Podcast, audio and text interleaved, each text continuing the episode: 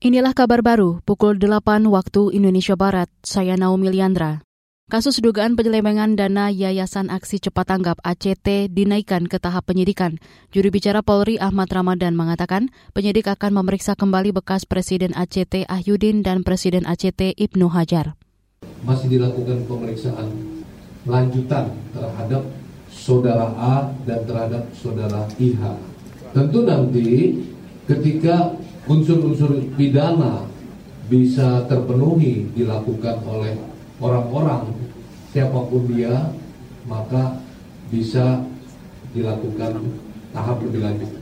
Juri bicara Ahmad Ramadan menambahkan tim khusus dibentuk untuk menangani kasus ACT secara cepat dan profesional. Selain memeriksa petinggi dan bekas petinggi ACT, tim juga akan meminta keterangan delapan saksi meliputi pelaksana proyek atau relawan konstruksi dan perangkat serta staf yayasan.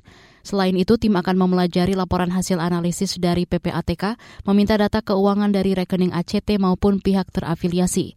Terakhir, tim akan melakukan pelacakan aset dan harta kekayaan. Ketua Dewan Komisioner Otoritas Jasa Keuangan OJK Wimbo Santoso memuji kepemimpinan Presiden Joko Widodo selama penanganan pandemi COVID-19. Itu disampaikan Wimbo usai berpamitan dengan Jokowi sebelum mengakhiri masa tugasnya sebagai Ketua Dewan Komisioner OJK periode 2017-2022.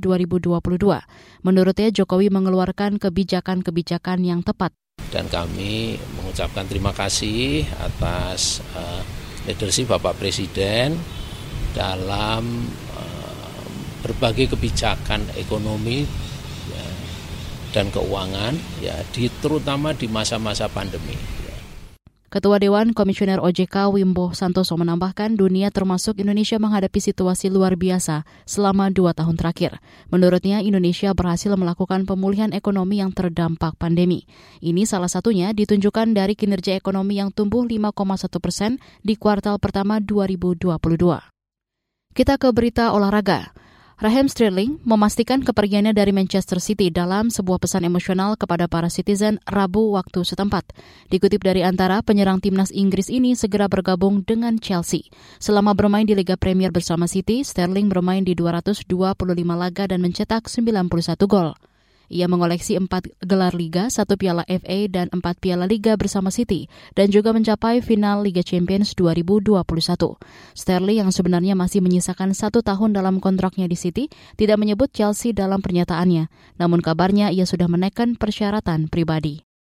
Demikian kabar baru KBR, saya Naomi Liandra undur diri.